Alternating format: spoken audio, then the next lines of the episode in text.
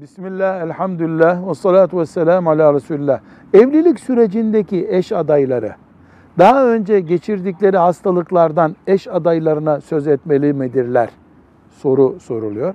Cevap, hastalık iki türlüdür. Karşıdaki eşi veya evlilik hayatını etkilemeyecek bir hastalık, mide spazmı geçirmiş, tedavi olmuş.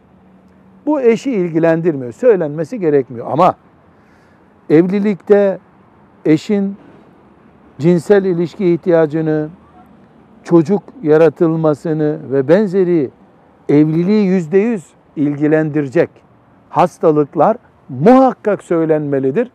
Bir hastalığın evliliği ilgilendirip ilgilendirmediği de doktora sorulmalıdır. Doktor bu senin eşinle ilgili bir durum değil diyorsa söylemeye gerek yok. Eşinle bu hastalığı paylaşmak zorundasın. Çünkü o bundan etkilenecek diyorsa eş adayına bu söylenir.